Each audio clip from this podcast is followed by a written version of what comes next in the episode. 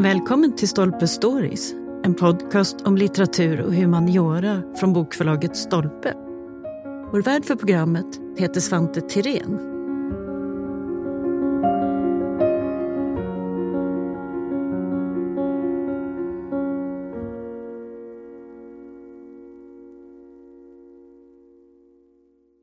Sverige framställs ofta som förnuftets och jantelagens hemland.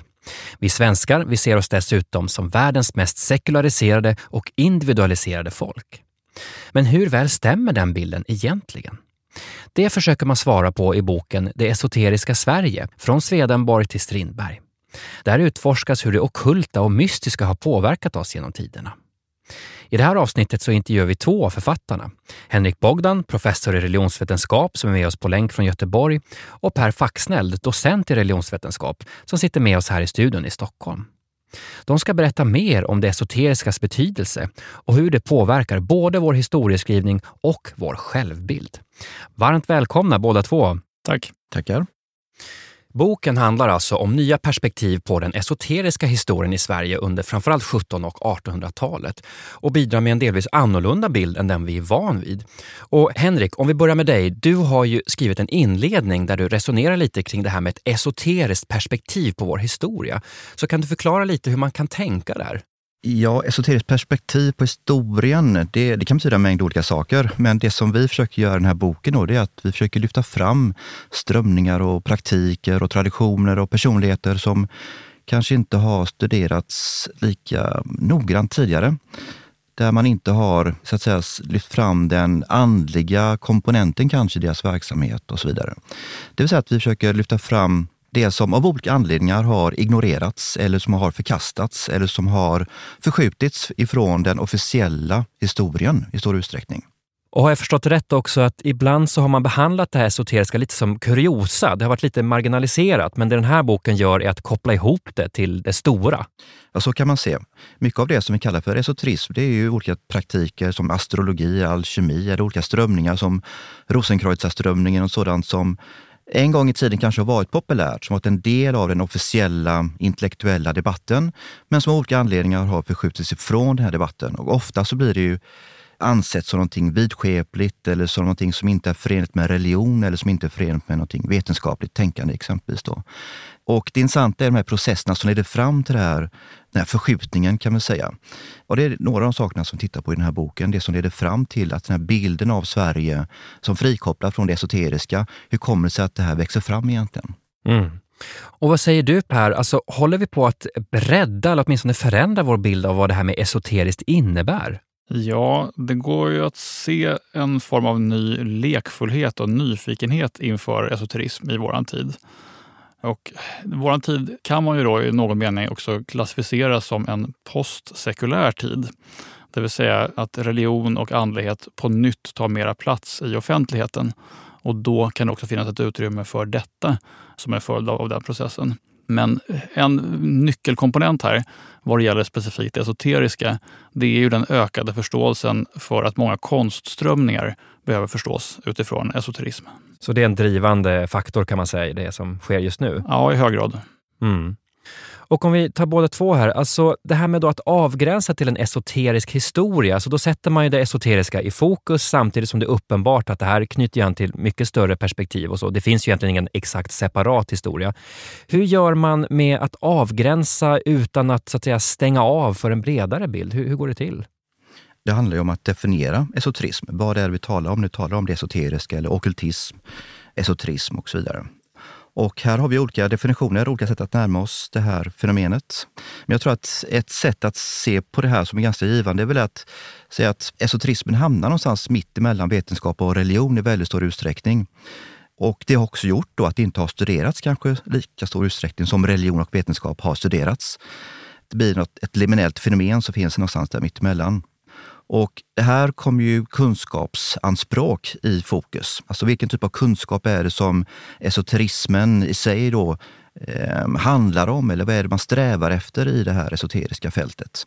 Och då är det ju framförallt erfarenheter, erfarenhetsbaserad kunskap, transformativ kunskap som kanske inte är kopplat till en trosmässig kunskap eller en vetenskaplig kunskap, utan det är någonting annat. Då. Och precis som Per är inne på, så mycket av det här kommer till uttryck i konsten, eftersom mycket av den här kunskapen går inte att uttrycka i ord kanske, som mystika erfarenheter. Därför blir konsten ett viktigt verktyg många gånger för att uttrycka de här erfarenheterna som är individuella i stor utsträckning. Och Per, vad säger du? Alltså hur balanserar man mellan att å ena sidan vill man då beskriva esoteriska strömningar och sånt väldigt specifikt, samtidigt som det är viktigt att poängtera att de ju hänger ihop med samhället i stort? Mm, man kan ju säga att en fördel med att fokusera på esoterisk historia som en slags röd tråd, det är ju att vi får syn på tidigare, ofta då dolda förbindelser mellan mycket annat. Som till exempel politik och andlighet eller konst och andlighet. Och det gör ju att det här ämnet är ju med nödvändighet tvärvetenskapligt. Det ger oss en del utmaningar men också otroligt mycket möjligheter. Och inte minst då möjligheter att samarbeta med forskare från olika fält och verkligen vara interdisciplinära på ett sätt som man ofta omhuldar men sällan omsätter i praktiken skulle jag säga i akademin.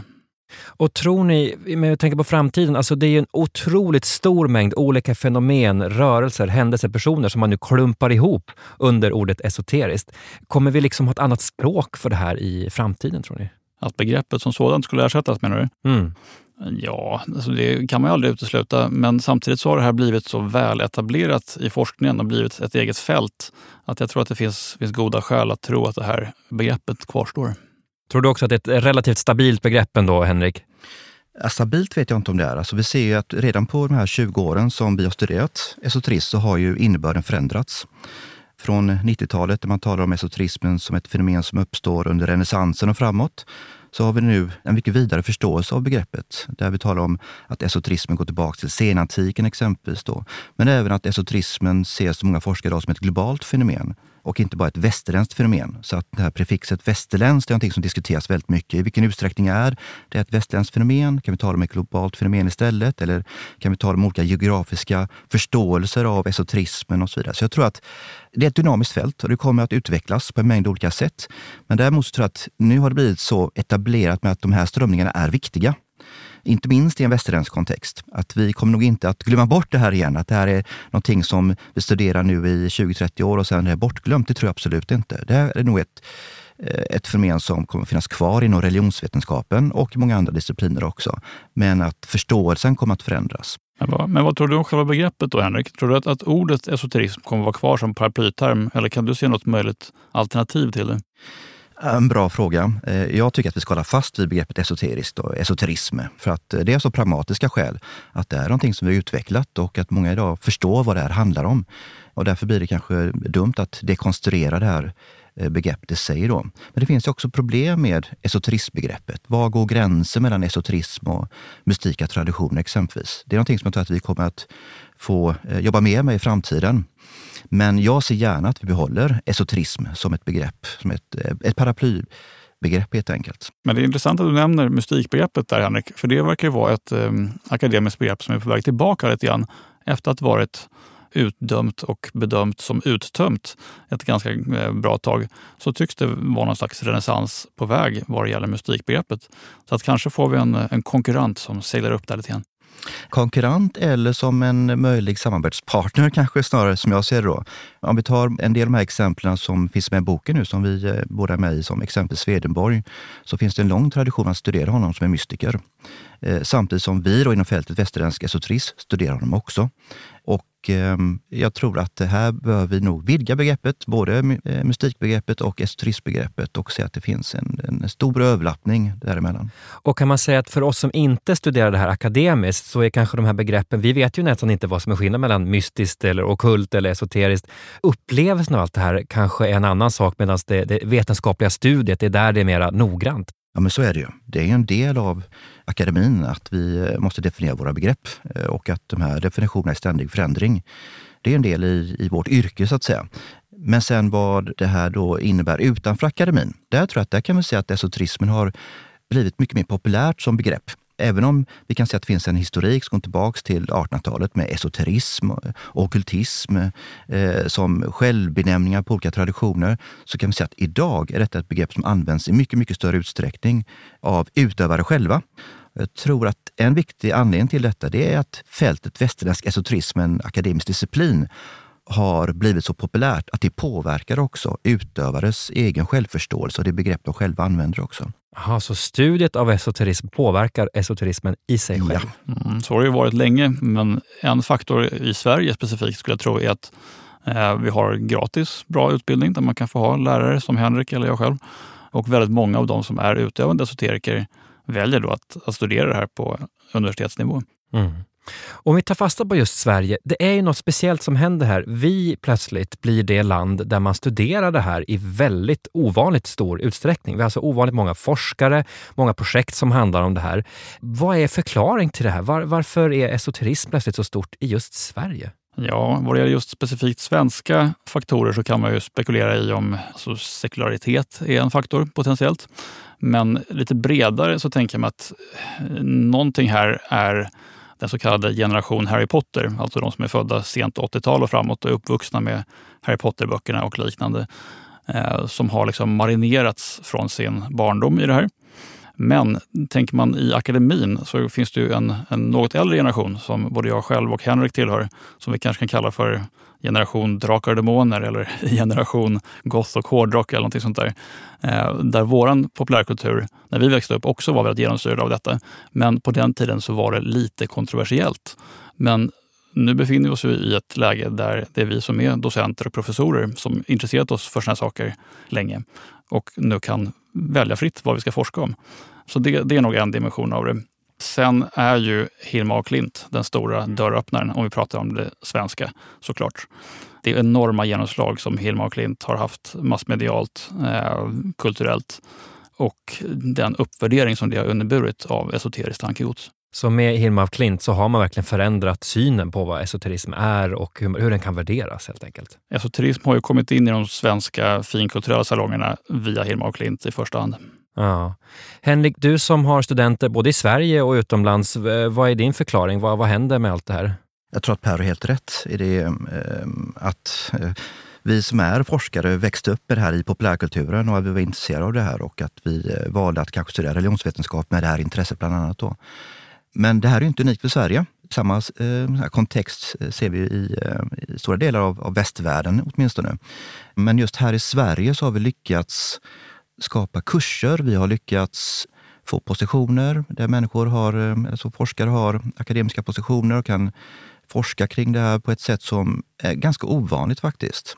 Och jag har funderat mycket på vad det här beror på. Jag tror att någonstans så har det att göra med att vårt universitetssystem, det finns en möjlighet att utveckla nya kurser på ett sätt som kanske inte går på samma sätt i Italien eller Spanien eller England eller något sådant. Att vi, det finns ett utrymme för att utveckla nya kurser helt enkelt och kunna välja sin egen forskning och att även att forskningsråden har varit ganska så positivt inställda till ansökningar som har inriktning mot det esoteriska. Så att det, jag tror att det är en mängd olika faktorer.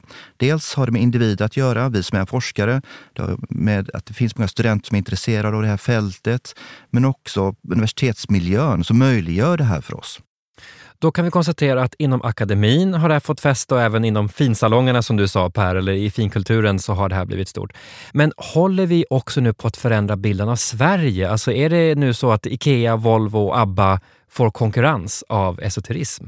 Ja, där är ju vår stora exportvara Hilma och Klint förstås igen, eh, någonting som påverkar det här. Men Hilma och Klint är ju inte ensam. Hon var ju inget isolerat fenomen i sin tid, utan en rad andra svenska konstnärskap håller man också på att få upp ögonen för att de var väldigt präglade av det här. Så det är ju en, en dimension i liksom, eh, ja, förskjutningen av, av Sverigebilden. Eh, man kan också förstås tänka på populärmusik. Musiker som har varit starkt intresserade och färgade av esoterism. Freddie Wadling som nu börjar få det internationella erkännande som han borde ha fått under sin livstid. Eh, men förstås också svensk metalmusik som är en jätte, jätte exportvara. Eh, vilket eh, just nu uppmärksammas med en, utställning i Berlin med svensk metalmusik som svenska ambassaden håller i. Mm -hmm.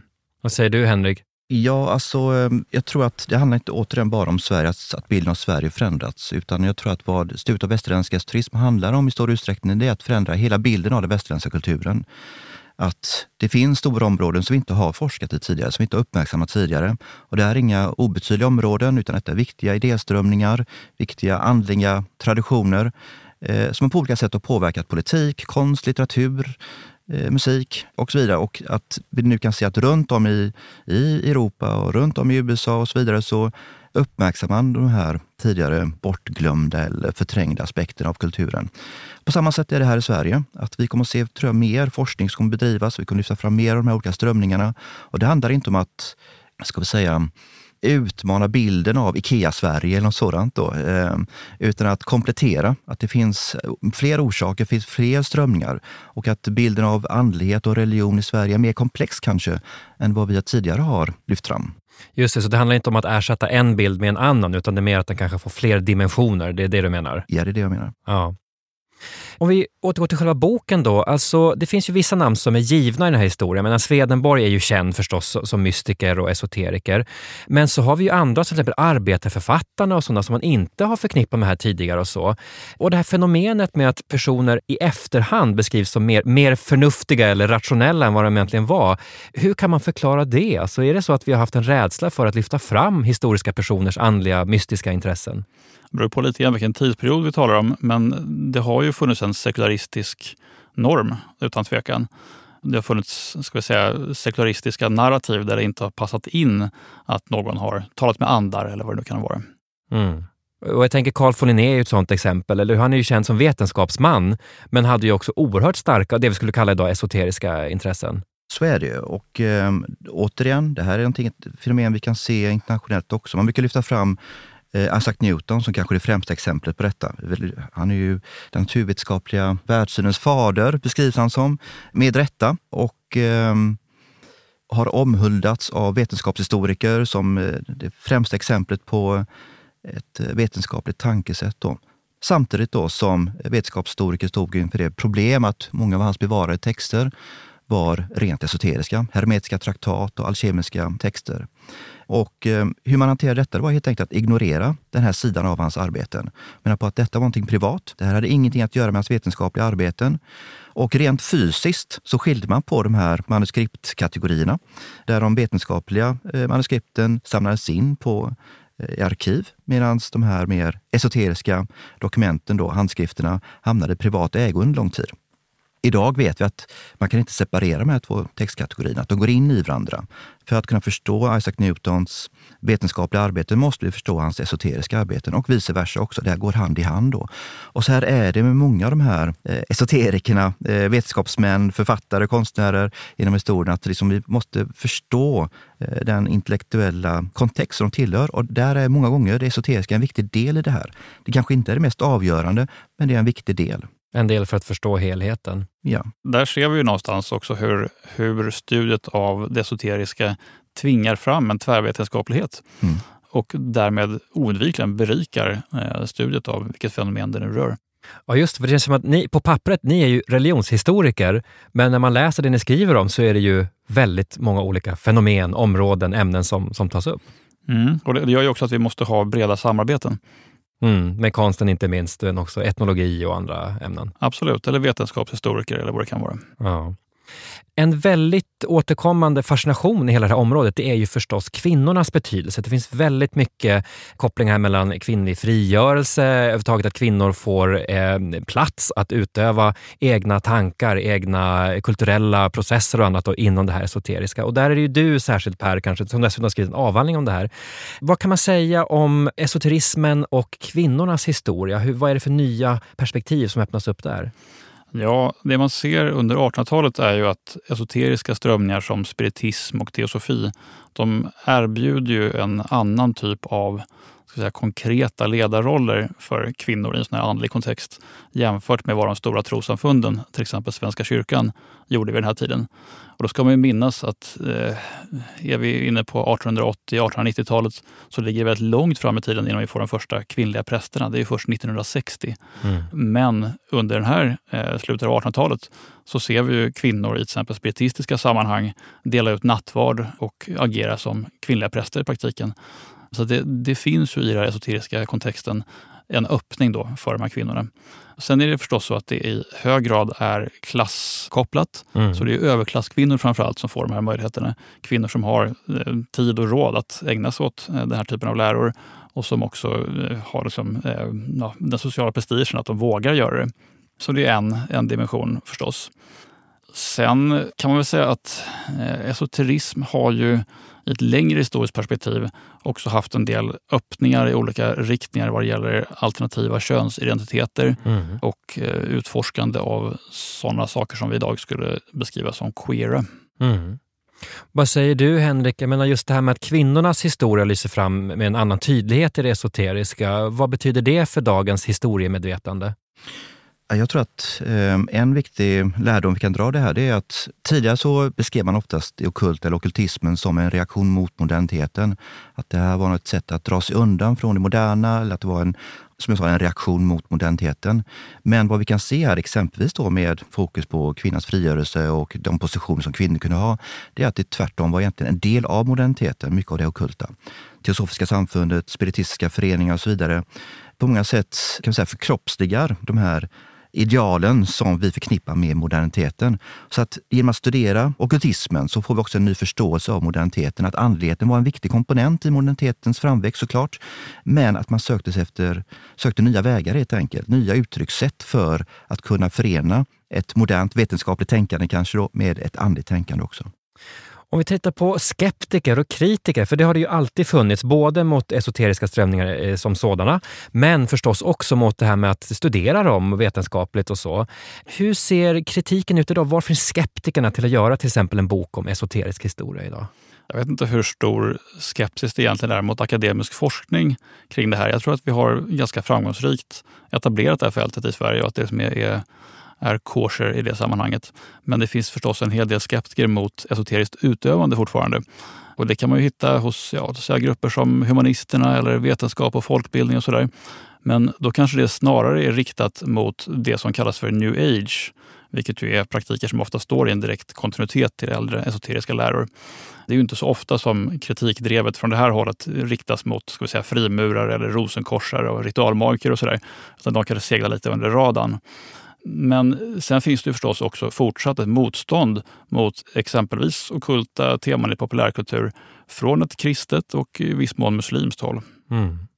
Vad, vad, säger du Henrik, alltså, var finns skeptikerna idag? Vilka är de? Nej, men skeptikerna finns precis där som Per är inne på. Alltså, det finns fortfarande skeptiker från en religiös kontext.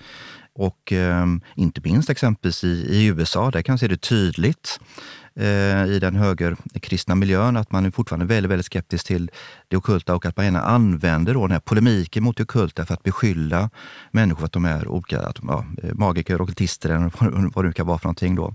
Så att det är fortfarande ett, ett, ett känsligt ämne. Kanske inte så mycket här i Sverige och det har nog att göra med att vi lever i ett väldigt sekulärt samhälle. Att det är inte mm, så eh, så skrämmande eller så kontroversiellt att eh, kanske då vara utövare av magi eller vad det nu kan vara för någonting, då, eller syssla med astrologi eller något sådant, då, eller tarotkort. Men att det eh, internationellt sett kan säga då eh, det kan fortfarande vara problem. Inte minst exempelvis se på Ukraina-konflikten. Även där hur Ukraina då beskylldes för att vara okultister. Och att det här blir ett viktigt, så att säga, en polemiskt argument då, som används mot Ukraina i det här fallet. Så att det här är någonting vi, vi, vi ser och kommer att se i framtiden också tror jag. Så den politiska laddningen inte minst, den är fortfarande eh, kännbar? Absolut. Ja. En del av inlevelsen i allt det här, eh, den går ju via att förstå vad som är esoteriska rörelser idag, eller hur? Och det där kan ju också vara lite svårt att säga ibland. Eh, ska vi räkna in yoga i det här? Eh, feng shui? Alternativmedicin? Vad säger ni? Vad kan man säga idag är esoteriska fenomen som på något sätt knyter ihop oss med historien? Ja, som jag nämnde nyss då, så finns det en tydlig kontinuitet mellan esoteriska äldre strömningar och det som lite slarvigt brukar få etiketten new age. Framförallt så är det mycket där som går tillbaka till teosofin. Talar vi om sånt som yoga och eh, kanske meditationstekniker och ehm, asiatiska kampsporter och sådär, så aktualiseras den här frågan om västerländsk esoterism eller inte. Det vill säga, är det här någonting som vi ska avgränsa till ursprungligen europeiska strömningar eller ska vi också inkludera syd och östasiatiskt tankegods? Där väl fältet börjar luta åt den sistnämnda positionen idag. Och då förefaller det också rimligt att, att medta dem under det här paraplybegreppet. Det finns också ganska tydliga överlappningar och historiska kopplingar mellan de här fenomenen. Så hur de kommer till Europa och vilka det är som importerar dem hit och hur det här uppfattas och ramas in till en början. Mm. Henrik, eh, vad, vad, tänker du? Alltså om man ska titta på fenomen idag som knyter ihop oss med historien, vad kommer högst upp på din lista? Oj, det var en svår fråga. Vad måste komma högt upp min lista? Ehm, jag tror att mycket av det som jag studerat historiskt sett fortfarande är aktuellt än idag. Då. Men att det har förändrats och att vi idag möter i populärkulturen i större utsträckning kanske. då. Och det är väl det som forskare som Christopher Partridge talar om, och kultur och culture. Att det som tidigare kanske var mer kopplat till slutna sällskap eller till mer specifika kontexter, att idag är detta någonting som är mer utbrett i samhället. Och eh, jag håller nog med om det, att mycket av det som vi studerar inom ramarna för esoterism, det finns runt omkring oss idag i mycket, mycket större utsträckning än det kanske gjorde tidigare. Det är mer synligt. Men det gör också att mångfalden är mycket, mycket större idag. Så att det är alltså blivit accepterat, mycket av det med, med astrologi och tarotkort och så vidare. Om man går in i en vanlig bokhandel idag så finns det eh, tarotkort att köpa. För en eh, 20-30 år sedan var det specialiserade bokhandlar där man kunde köpa tarotkort. Så att det liksom har, har spridit sig till ett nytt sätt. Då. Samtidigt som vi kan se att delar av det här fältet har blivit mer extremt också. Jag tänker framförallt då på här konspirationsteorier och där det möts mellan konspirationsteorier och andliga esoteriska grupperingar, conspirituality som det då kallas. Där idéer om exempelvis om, om pandemin och om vaccin och att det finns någon form av konspiration bakom detta. Att detta är också en del av den här esoteriska miljön, men det är en liten del en väldigt extrem liten del som inte är talande för hela fältet i sig. Då, men det får mycket uppmärksamhet eh, i media exempelvis. Då. Så jag tror att man måste se att fältet är väldigt levande idag. Det finns olika typer av esoterism idag. Det är inte ett enda stort fält, utan det är olika så att säga, miljöer som vi kan se runt omkring oss idag. Och vi måste lära oss att utskilja de här olika miljöerna, se hur de är sammankopplade, hur de skiljer sig åt. Mm. Forskningen är i fullt sving får vi säga, inte minst här i Sverige. Och den här boken är ett exempel också på hur man försöker tillgängliggöra den också till en, en bredare publik. Men vad hoppas ni ska hända framöver? Vilka stora frågeställningar och ämnen är det som vi ännu inte har börjat ta tag i i forskningen? Om vi börjar med dig Henrik. Jag tror framförallt att vi måste se det här ur ett större historiskt perspektiv, egentligen se kontinuiteten på ett sätt som vi inte gjort tidigare. Det vill säga se att mycket av det som finns runt omkring oss idag har en lång historik även här i Sverige. Och den här historien är inte riktigt skriven än. Det är någonting som vi måste göra, lyfta fram den historiska kontextualiseringen och utvecklingen av, av det esoteriska. Men framförallt då frågor om vilken funktion som esoterismen har idag. Vilka är det som utövar eh, esoterism och hur ska vi studera esoterismen idag, alltså den samtida esoterismen? Här behöver vi göra mycket mer inom ramarna för vår forskning hur mäter vi esoterism så att säga? Mycket av esoterismen är individuell, den är individinriktad. Det är människor själva hemma som praktiserar eller som, som läser böcker och så vidare. Och hur når vi de här inom ramarna för vår forskning? Det är en stor utmaning. Per, vad tror du är de stora frågorna som väntar på att utforskas framöver? jag, jag tror som Henrik att det handlar mycket om att koppla samman saker som tidigare har varit uppfattat som separata. Ett sådant exempel skulle kunna vara hur tankegods flödade mellan folklig magi och så kallad lärd magi eh, och lösa upp den typen av, av tudelningar som har funnits i forskningen förut. Just det, ungefär som att folktro är ett eget isolerat fenomen, vilket det ju absolut inte är. Nej, precis. Och sådant. Till sist då, boken finns nu. Den heter alltså Esoteriska Sverige från Swedenborg till Strindberg. Den utforskar ju ja, ungefär två århundraden av det här så att säga. Men från det här, tror ni att vi nu har förändrat vår historieskrivning? Är det så att vi efter det här inte kan gå tillbaka till den här ensidiga nationalstatsbetonade historieskrivningen? Det får vi hoppas. Vad säger du Henrik? Nej, men jag tror att det är lite bidrag. Att eh, Det här öppnar nog upp ögonen för många människor. Att man ser att det finns eh, en lång historik av esoterism här i Sverige. Men att det behövs givetvis mycket, mycket mer forskning. Det här är bara skrapat på ytan. Så mer kommer behöva göras och eh, vi är många forskare som eh, är villiga att göra det arbetet. Vi får se vad framtiden bringar fram. Stort tack för att ni kom hit båda två. Tack, tack. Tack själv.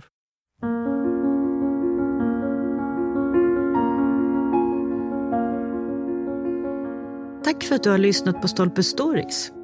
Missa inte att du som lyssnar har 20% rabatt på bokförlaget Stolpes titlar hos Bokus.com.